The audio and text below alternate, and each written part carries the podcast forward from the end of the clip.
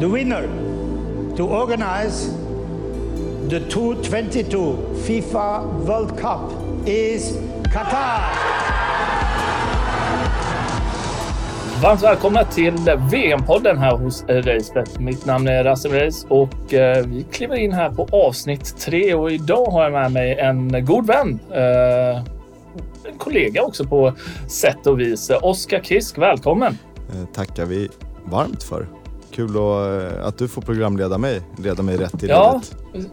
sa det precis. Det här är första gången. eh, Du får ju alltid ratta Studio Stryktipset. Jag får sitta där och nu, nu får jag hålla taktpinnen. Det känns lite, lite nervöst, men nej, det gör det inte. Lycka till. Eh, Men det, det är kul. Ja. Eh, Hur är läget med dig då? Är det bra? Det är bra tycker jag. Mm. Eh, Det känns som många går runt och är småförkylda och med sjuka barn men utöver det så Eh, är man ju lite ambivalent för eh, samtidigt som man saknar ligafotbollen i november med all rätt så, så spelas det ändå fotboll och är man skadad så, så tittar man ju på matcherna. Det gör man ju.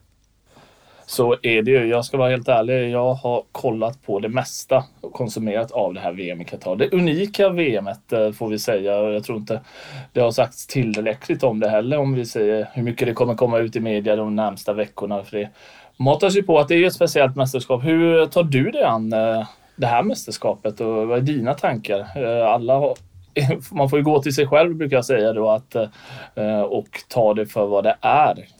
Du som ändå jobbar inom branschen och, och så jag vill höra lite kring dina funderingar. Eh, djupt tveksam inför. Eh, men det borde man ju varit redan långt innan när eh, liksom alla farhågor eh, uppdagades egentligen. Eh, och tveksam till mycket som sker där också. Eh, med olika kaptensbindlar och eh, zoner för pilsnerdrickande och så vidare. Eh, så det är ju inte ett naturligt VM land riktigt vad vi är vana vid. Nej. Eh, men det kan jag stå på min eh, höga piedestal och säga att vilka länder som ska och inte ska få. Men eh, det känns ju inte helt hundra, det gör det inte. Det enda man kan hoppas är att eh, efter det här stora misstaget att eh, klubbar, förbund och spelare tillsammans kan sätta hårdare krav mot Fifa och ja, delvis Uefa blir det ju också i och med att vi har Europamästerskap eh, som kommer. Eh, och att vi slipper få se, alltså ett mästerskap ska spelas på sommaren, kalla mig konservativ, men fotbollen ska vara Mm. konservativ. Det är som vi helt plötsligt Mm. bara skulle ta bort offsiden.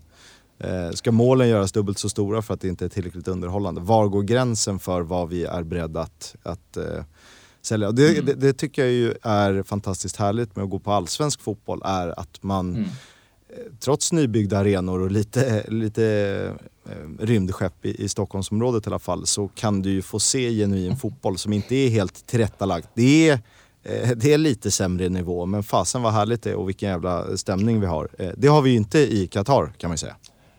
Nej, eh, precis lite. Jag var inne på det häromdagen också kring det här med stämning och utsålda biljetter och det verkar ju vara eh, alltså, som ni alla vet så Qatar får ju det här VMet genom att köpa det helt enkelt genom olika politiska maktspel och eh, pengar har flyttats och beslut har tagits för att eh, fixa det här VMet och när beslutet togs så fanns ju ingenting i Qatar. Så det är ändå sådär, man har ju ändå byggt upp eh, det som finns på ett väldigt imponerande sätt och sen vad det har kostat, det gör ju VMet ännu värre, mer avskyvärt på det sättet att det har kostat liv framför allt.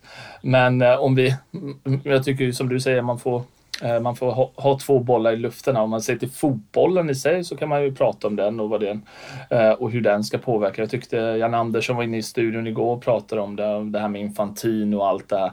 Eh, jag tycker att man, man, man, man går inte åt något håll utan man försöker gottgöra, eller på något sätt eh, ha väst med på, i, i, i ett hörn samtidigt som Qatar som arrangerar, de vill ha sin kultur, sina regler, sina lagar. Eh, så det blir bara en stor bajsmacka av allting egentligen. Ja, Eh, det är vi- ingenting som är som man tror. Det som är, ja, det blir lite konstigt att eh, Jan Andersson då som ändå är ansiktet utåt för det svenska landslaget. Det sades inte så mycket när Sver- Sverige väl kvalade. Men nu är det ett bättre läge att kunna kritisera. Så det, det känns som det är genomgående för hela den svenska fotbollssynen, om vi talar från förbundshåll, mot, eh, mot spektaklet och Fifa. Att man i efterhand är det lätt att peka finger men vi gör ingenting under tiden. Eh, som andra ändå landslag har, har försökt göra. Sen tycker jag det är rätt att till exempel det engelska förbundet inte gör någonting, att inte FA eh, tvingar Harry Kane att ha binden. De kan ju rotera på kaptener. Ha binden första matchen, ha den i andra matchen, ha den i tredje matchen. Gör någonting i alla fall, ett litet statement. Mm. Det behöver inte det kanske inte betyder så jättemycket men för vissa människor kanske det sänder signaler som är eh, positiva. Ja, och jag tyckte Olof Lund skrev någonting intressant här på Twitter, ni som kanske inte har sett det. Jag tyckte efter Jan Anderssons utspel här, för han är ju liksom, som du säger, huvudet utåt för landslagsfotbollen. Sen får vi tycka vad vi vill om övriga i den där ledningen som ska påverka på plats. Hur mycket de påverkar på plats, det har jag svårt att se. Eh, däremot eh, så skrev Olof då, Sveriges herrar gjorde noll statement på plan under VM-kvalet i Qatar. Man avfärdade tanken på regnbågsfärd, kaptensbindel efter EM 21 2021. Man hade planer på ett tredje raka träningsläger i Qatar januari 2022. Och bra att Janne tycker då att gränsen är passerad och ifrågasätter det här. Men man hade ändå trott att herrlandslaget skulle vara mer offensivt och det tidigare. Och frågan är, om man hade varit i mästerskapet, hur offensiv man hade varit. Det låter vi vara osagt, men jag känner mig väldigt tveksam i att man hade varit det eh, på, på väldigt många fronter. Och eh, jag tycker bara att eh, man ska fundera då, för att eh, Olof skriver också då att svensk fotboll har ju sedan betalda träningsläger i Saudiarabien 2006 varit i Syrien, Oman, Abu Dhabi sex gånger, Qatar tre gånger och planerat en fjärde resa till Qatar. Eh, fotbollen kan inte ta hela eh, delen eh, och hela ansvaret för att få någon form av förändring. Vi måste också, en annars perspektiv som jag tycker har lyfts fram från andra håll är också att de har sin, kult, sin kultur, sina värderingar. Det är vi som är gäster. Jag kan köpa den aspekten till viss poäng. Samtidigt som att äh, mänskliga rättigheter går ju inte liksom att... Det, går inte, det är inte eh, förhandlingsbart liksom. Äh, vill du vara homosexuell? Ja, då får du vara det. Och jag tycker att det ska respekteras överallt, självklart. Däremot så måste man också inse att Qatar för 60 år sedan, det var bara hyddor, hyddor, det var tält ute i en öken. Så att de har en lång bit att vandra eh, med tanke på att eh, det eh, kulturella och eh, religion finns inblandat. Men vi ska inte grotta ner oss alldeles för mycket i det. Det var kul att höra dina tankar kring det och eh, eftersom du är med där eh, och du poddar, ni som inte lyssnar på EFL-podden, gör det. Jäkligt intressant podd kring Championship. Eh, och England har ju varit aktiva i det här. På tal om fotboll så hoppar vi över till det. England, eh, vad är dina tankar kring landslaget hittills och eh, deras insatser mot Iran, Harry Kane, eh, kring allt som har varit? Eh, det såg väl ganska så positivt ut. Det går väl inte att säga annat efter eh, 6-2. Eh, lite miss med insläppta mål eh, får man ändå kalla det. Men ehm, eh, ett bevis på att England har en väldigt hög högsta nivå i sig. Eh, det är väl ett ja, Spaniens 7-0 är väl svår att blunda för när vi pratar om eh, starka prestationer hittills. Eh, men spelmässigt tyckte jag ändå det, det fanns mycket där och eh, kul att se att, ha, att man har den bredden. Att du kan slänga in Phil Foden, Marcus Rashford och Jack Grealish. Och det förändrar inte så mycket. Det var lite som när brassarna gjorde sitt kvadruppelbyte igår och tog in Gabi mm. Jesus och Rodrigo och, och allt vad de heter. Ja, nej, men det, det är ju verkligen eh, en bredare trupp än på länge och det kändes, alltså, på tal om Brasilien igår, det var ju också verkligen eh, när man tänker eh, det, det, när man tänker att eh, ja, nu måste de göra byten, så gör de ett par byten. Samma sak som England då. Man sätter in, man tar ut kvalitet och man sätter in ja, minst lika bra, om inte bättre nästan. Eh, och eh, det visar ju liksom bredd på de här stora landslagen som har det väldigt bra ställt nu när vi spelar in det här, eh, det är ju faktiskt inför England-USA eh, som spelas eh, ikväll, fredagen. James Corden-derbyt. För ja. förloraren får ju behålla James Corden enligt sägnen och enligt supportrarna. Det tycker jag är en rolig take på det. Ja, vad är dina tankar kring den matchen? Eh, det, ja, det är alltid, alla matcher är intressanta på sitt sätt men England ska ju kunna städa av det här USA hyfsat om vi tittar på fotbollskvalitet. Sen är det ju inte alltid det som styr. Eh, men att, eh, att USA har en striker från Championship eh, medan Mm. England har en striker som är en av världens bästa, kanske topp tre, Mm. eh, nior i världen. Där är ju jämförelsen fotbollsmässigt. Sen vet vi att eh, USA kan vara ett jobbigt landslag att möta och det finns ju mycket kvalitet Eh, i laget, absolut. Men eh, det känns väl inte som något annat än att England ska kunna eh, lösa minst sju poäng i den här gruppen. Nej, men det känns, de har hamnat i en väldigt eh, bekväm sits här med tanke på första vinsten. Sen är det ett väldigt spännande landslag. Eh, USA har en hel del uh, unga spelare som uh, kommer framåt uh, och det var kul med Timothy Weah som fick göra mål framför sin pappa, Liberias president. bara en sån sak. Det är sådana små grejer gillar man. När vi tittar, vi tänkte summera då gårdagens matcher eftersom vi spelade allting. in dagen efter och titta. Och igår hade vi höjdpunkten då på kvällen, eh, eller under dagen var ju på kvällen då. Brasilien-Serbien som slutade 2-0 och eh, som eh, den jugge man är så tycker man ju alltid att eh, det ska vara, man håller lite extra på Balkanlagen såklart. Eh, har inte fått den start man tänkte. Kroatien fick väl inte heller den starten man hoppades på. Kändes lite tunga. Serbien däremot känns väldigt spännande men Brasilien, vad är det för lag? Ja, eh, alltså Neymar spelade ju på typ 20 procent och ju ändå eh, ser man ju glimtar av vad det kan göra. Eh, och det kändes som att han hade inte behövts igår. Eh, och Rafinha hade så många lägen så att han ensam hade ju kunnat avgöra den här matchen. Eh, det var inte han som fick stå i centrum. Nej, äh, Rafinha äh, var, där var jag faktiskt väldigt besviken. Han har väl haft en liten halvdan säsong också och jag var faktiskt förvånad över att han var från start. Äh, men samma sak med Richard Lison, du som ser honom oftare än vad jag gör, tänker jag säkert eftersom han spelar i ditt lag. Tottenham. Eh, eh tankar kring honom och hans insats. Alltså det, det, där målet, det går inte att komma ifrån. Det är ibland, det är fullständigt bisarrt mål. Alltså man lägger upp den. Det sjuka är, jag tror det där är med meningen. Alltså det där mottaget. Samtidigt som jag tror att det inte är det. Då det är Richarlison som gör det. Eh, jag vill ju tro att det är bara, okej okay, han tänker till att eh, den studsar upp och sen eller så bara händer det att han uh, gör det in the moment. Att han får mottaget. Oj, det blev fel. Snabbt eh, uh, vid kroppen. Skicka in den mål.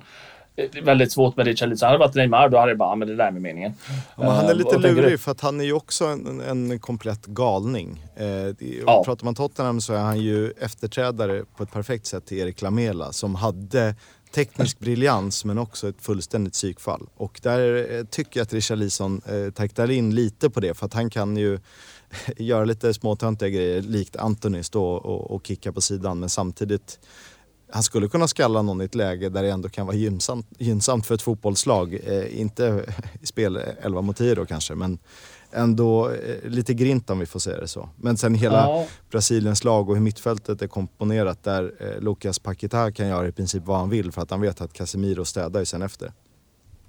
Verkligen. Och det jag också tycker är så intressant med Richarlison är ju att han är ju väldigt olik en brasiliansk spelare i, i spelsättet. Han har så mycket grinta, energi och det hoppas och tacklas. Och, sen har han ju fortfarande den här finessen mm. som vi såg, eh, inte minst sagt. Och det, det, det, kan jag tycka att, eh, jag förstår att de väljer att spela honom. Man får ut eh, lite annorlunda än när man har kanske en Rodrigo eller Anthony. Det är ju väldigt samma typ av spelare.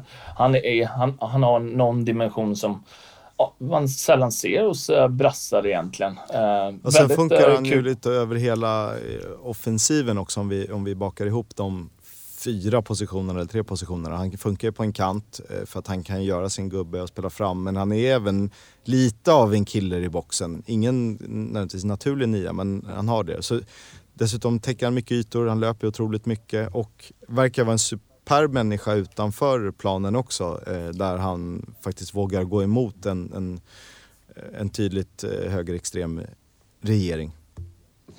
och men också, ja, alltså, han samlar in pengar för välgörenhet och hjälper barn som har det tufft. Eh, han bygger skolor. Så att eh, yeah. verkar vara en vettig människa, Richard Lison, och inte bara eh, nacktatueringar och, och galna fades.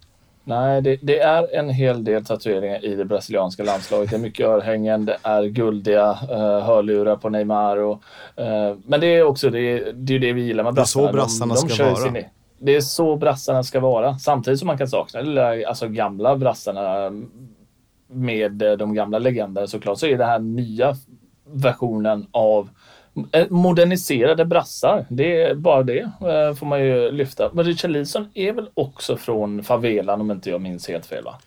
Eh... Alltså från slumområden eller har jag helt eh, fel här? Eh, bra fråga faktiskt. Eh, jag vågar mm. inte ta gift på det. Nej, jag vill minnas, nu ska jag inte sticka ut hakan och säga att det är så, men att han också kommer från tuffa förutsättningar och tagit sig hela vägen dit. Eh, det kan nog gälla väldigt många. Jag vet ju att det gäller Anthony som kommer från San Paulo, väldigt tuffa förutsättningar och tagit sig hela vägen. Uh, så att, ja, all eloge. Den andra matchen uh, som var väldigt intressant igår och med tanke på England, eh, vi försöker hålla någon koppling till England då. Uh, du är väldigt aktiv där med EFL-podden och så vidare. Så var det ju Portugal-Ghana. Eh, en viss Cristiano Ronaldo som eh, i, efter intervjun med Piers Morgan, ehm, det var en väldigt eh, brutal intervju, lämnar Manchester United med omedelbar verkan öppnade målskyttet. 1-0, blev 3-2 till slut. Jag tycker att det här Portugal ser väldigt, väldigt intressant ut. Dels på pappret att eh, Joao Felix fick komma in och göra mål. Eller komma in, han startade och gjorde mål. Leao fick komma in och göra mål. Ser ju väldigt intressant ut eh, på sikt. Och jag vidhåller, jag, varnade lite för dem innan mästerskapet, att eh, det här är ett lag som kan gå hela vägen till final. Eh, ja men det tror jag också. Eh, om man bara stannar lite med resultaten innan, för det spelas ju en femte 0-0 match. Eh, kanske mm. mästerskapets hittills i särklass tråkigaste. Det var Uruguay-Sydkorea som ändå tyckte hade lite potential inför. På väg att tangera rekordet för sju mållösa matcher i ett VM. Vi är på god väg, fem efter första gruppspelsomgången, så vi har ju ett par matcher kvar som kan sluta mållöst. Ja, nej, jag satt faktiskt och eh, tittade där flera matcher i rad 0-0 och eh, ja, det var svårt att kämpa sig igenom. Alltså man vill ju ha underhållning såklart. Sen vet man ju att med tanke på hur många matcher det är så, så kommer man få se så här. Däremot som du säger hade jag högre förhoppningar på eh, Uruguay-Sydkorea. Framförallt att det var, alltså, det var ju verkligen en av de tråkigaste matcherna man sett på länge. Det var väl ett alltså, skott verkligen. på mål eller något sånt där? Ja, Valverde hade väl eh, nått i ribban. Otrolig fot för övrigt.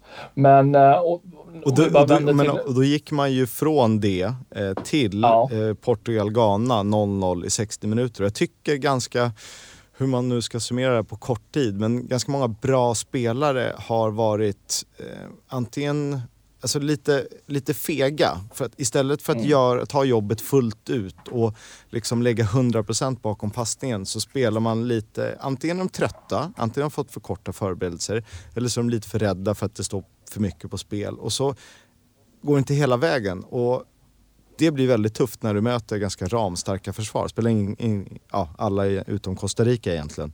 Eh, som har det har varit väldigt tydligt så här, okej okay, motståndarna eh, för spelet, eh, vi backar hem. Och eh, i den moderna fotbollen så är det ganska många lag och spelare som kommer från klubbar som är skickliga på att försvara det. Så det är svårare än man tror. Men jag tycker att det har saknats lite, och det, vi får väl se här till omgång två om mm. spelarna har hittat in i det. Det är ett, ett fåtal som liksom har, har hittat den där höjden. England, eh, Spanien då och ja, Brasilien till viss del, även om de, jag tror att de mm. har några procent i. Men på tal om Portugal då. Det var det man tänkte efter 60 minuter av lite blandad kvalitet. 0-0. Jaha, ytterligare. Ska hela det här mästerskapet klassas som ett 0-0 mästerskap? Men eh, det löste ju Cristiano där, eh, landsfadern, mål i sitt femte raka VM-slutspel. Och det får man ju lyfta på hatten eh, för. Sen i övrigt så känns det som att respekten för den personen har man ju tappat eh, egentligen helt i och med allt som har hänt med våldtäktserkännanden eh, och liknande. Mm. Ja, men alltså det, det, självklart, det är ju sånt eh, som supporter också till Manchester United så är det ju väldigt Alltså på ett sätt så eh, det är ju en legend i klubben. Eh, man måste kunna hålla två bollar i luften. Självklart tror jag varenda människa tar avstånd från allt som uh, är från alltså, sidan av plan med våldtäktserkännande uh, och tystnader och allt som sker. Det är svårt liksom. Det är en enorm världsstjärna och ja, vi ska inte grotta allt för mycket i det. Jag tror att de flesta vet vad vi pratar om. Däremot så tycker jag ändå i den här intervjun med Piers Morgan att uh, ja, eh, det här är ju kanske hans sista mästerskap då, antar vi. Eh, och i den intervjun att eh, att United som klubb blir synade, vilket alla vet redan att eh, de, de har eh, de har haft enorma problem och så vidare och nu verkar ju Glazers vilja sälja också. Såklart när aktien sticker upp lite då ska de ju sälja. Eh, och jag, jag, jag, tror också att han är en bidragande orsak till det här. Att han går rakt ut och säger. Sen finns det väldigt många tragiska saker i hans liv som har varit med. Att han har förlorat ett barn, hans andra barn varit sjukt och, och så vidare. Men vi ska inte lägga mycket fokus på det. Jag tycker bara att äh, att som Portugal, när de agerar, att det är han som står upp, att det är han som kliver fram, eh, fixar straffen, gör målet. Eh, jag tror att det kommer få honom att växa under det här mästerskapet och frågan är, var hamnar han sen? Det får vi ju se. Det känns ju väldigt MLS-kompatibel. Problemet är väl USA va? Han får väl Problem, inte han, han kan inte spela i USA. Nej. Nej.